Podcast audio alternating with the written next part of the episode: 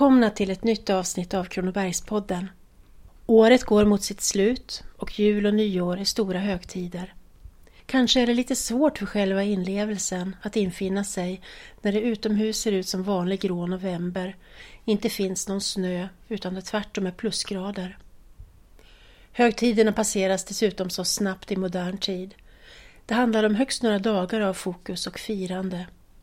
Medan det under det gamla bondesamhället omfattade rent av månader av förberedelser. Vi ska ta del av hur man firade jul i trakten häromkring i Småland för drygt hundra år sedan. Då började man rusta för jul redan i oktober. Det skulle tröskas, slaktas, stöpas ljus, bryggas och bakas. Veden skulle huggas och mjölet malas. Och det mesta av det man gjorde omgjordades av ritualer för att hålla skrömt och oknytt borta och istället bringa välsignelse och välgång åt hushåll och hem.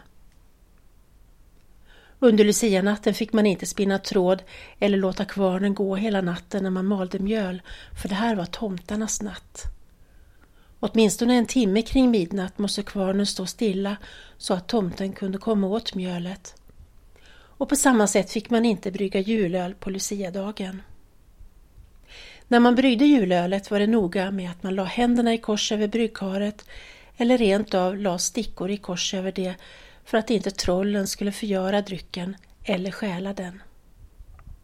På julaftons morgon var det viktigt att man hann med allt som återstod av julens förberedelser, för blev man efter med något den morgonen så blev man efter med allting under det kommande året. I lagården var det viktigt att under julafton tala om för boskapen att nu var det jul, så att också den visste om det. Och även fåglarna måste senast innan det dagades på julafton få sin julkärve uppsatt och katten en skål mjölk, för annars förde det olycka med sig. Efter dopp i grytan och avsmakning av dopparsup, julöl och julost var det dags för husets folk att bada. Det skulle hinnas med innan skymningen, vilket med tanke på att julen infaller under årets allra mörkaste tid inte gav så många timmars spelrum. Först badade husfar i badkaret som stod i badstugan eller rent av flyttades in i köket och därefter fick övriga hushållet bada, den allra yngsta sist. Vattnet i karet fick inte slås ut förrän efter tre dagar. Detta för att de döda också ville bada innan de gav sig till de dödas julotta och för att det skulle hinna kallna ordentligt så att man inte brände någon vette när man hällde ut det. Efter badet klädde man sig i helgdagskläder, önskade varandra Guds fred och god jul och satte sig sedan vid julbrasan. Man berättade någon julhistoria för barnen, åt lite gott och husfar tog vid med att läsa ur Bibeln. Och så sjöng man julsalmer. Sedan var det dags att äta julbord med julskinka, kött och korv, lutfisk, gröt, julbröd och olika sorters kakor. Ett kokt grishuvud stod mitt på julbordet med ett äpple i munnen. Detta sista var en sed som gick tillbaka till vikingatidens hedniska ritualer där asaguden Frej helgade den galt som just denna kväll under midvinterblotet slaktades och vid vars huvud man avgav heliga löften. Man roade sig under måltiden med grötrim där man försökte vara så spydig och fräck som möjligt. Turen gick runt bordet och alla skulle rimma. Kunde man inte få fram något rim fick man lägga pant. Så här kunde det låta. Nu är gröten på boet och vi ska äta upp den. Den inte vill rimma får krypa till hönsen och toppen. Eller Denna gröt är kokt i en gryta och ej i en fjäring. Gud signe både gubben och hans käring. Magin var stark denna kväll i det gamla bondesamhället. Ifall någon gick förbi utanför stugan och såg in på familjen som satt och åt så kunde personen få se den sitta utan huvud som skulle dö under nästkommande år. På samma sätt fick inte ljuset som brann under julnatten gå av innan det var nedbränt, för då skulle på samma sätt något dödsfall ske. Och fanns det en grop i askan i öppna spisen på juldagsmorgonen sedan elden hade brunnit ner så tydde man det på samma sätt. Medan ifall det i askan syntes spår som gick utåt så skulle snart en ny familjemedlem se dagens ljus. Julbordet fick inte dukas av innan julhelgdagarna var över och inte heller fick man skjuta för några spjäll.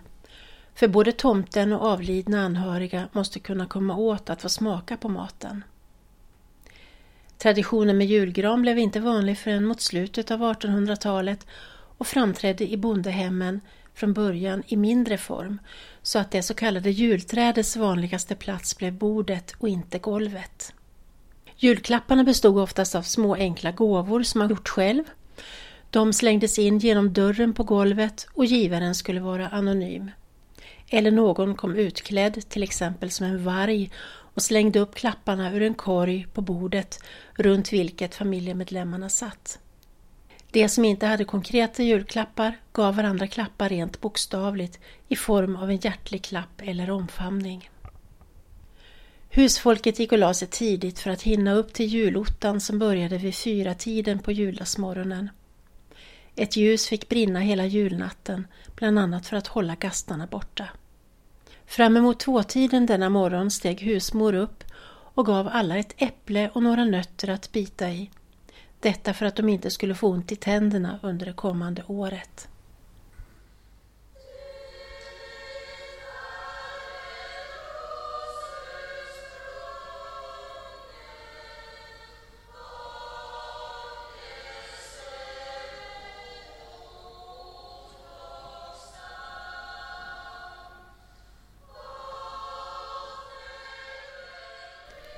Det var viktigt att inte komma för tidigt till kyrkan för då löpte man risken att störa de döda som firade sin julotta innan de levande kom dit för att fira sin. Skulle man trots allt råka ut för det här och bli påkommen av de döda så gällde det att snabbt få av sig en del av sina kläder och slänga dem efter sig, ropa Jesu namn och ta till flykten. Och när den riktiga gudstjänsten var över gällde det att så fort som möjligt komma hem man trodde nämligen att den som kom först hem skulle först få sin gröda inbärgad och bli först med allt arbete under det kommande året. Ofta blev det just därför kappkörning på vägen hem. Och förmodligen var det också skönt att komma ut från kyrkan eftersom den på den tiden inte hade någon uppvärmning och det var kallt att sitta där. På juldagen skulle man sedan hålla sig hemma i stillhet. Man fick inte besöka någon och bara de allra viktigaste uppgifterna som att mjölka och utfodra djuren fick utföras. Man skulle inte heller lägga sig och sova under juldagen för då kunde man bli trött av sig under hela det kommande året. Istället läste man i Bibeln och sjöng psalmer. Men allt var inte bara kyrkligt. Under julhelgen, som på den här tiden var så pass utsträckt att den även omfattade fjärdedags jul den 28 december, firade man från och med annandagen också julkalas då man mest varje kväll gick runt till varann och smakade på varandras mat och dryck och umgicks. Julbrännvinet var en viktig ingrediens. Ungdomarna roade sig med sånglekar och gåtor. Och under annandagen kunde man också roa sig med att springa till grannen och måka i dennes lagård. Det innebar att man kastade gödsel omkring sig i hela lagården. Det ansågs ge en tur med sina egna djur men var kanske inte lika fullt populärt hos grannen. Det var viktigt att alla som kom förbi trakterades med något ätligt, vare sig det sedan var bekanta eller kringströvande tiggare. Det hette att du ska inte gå ut med julen och det gällde hela perioden ända fram till 20 Knut. Oftast gav man bort bröd. Under det stora julbaket bakade man nämligen så mycket bröd att det helst skulle räcka till påsk. Under både natten till Lucia julaftonsnatten och nyårsnatten före det nya året kunde man gå årsgång för att skåda in i framtiden.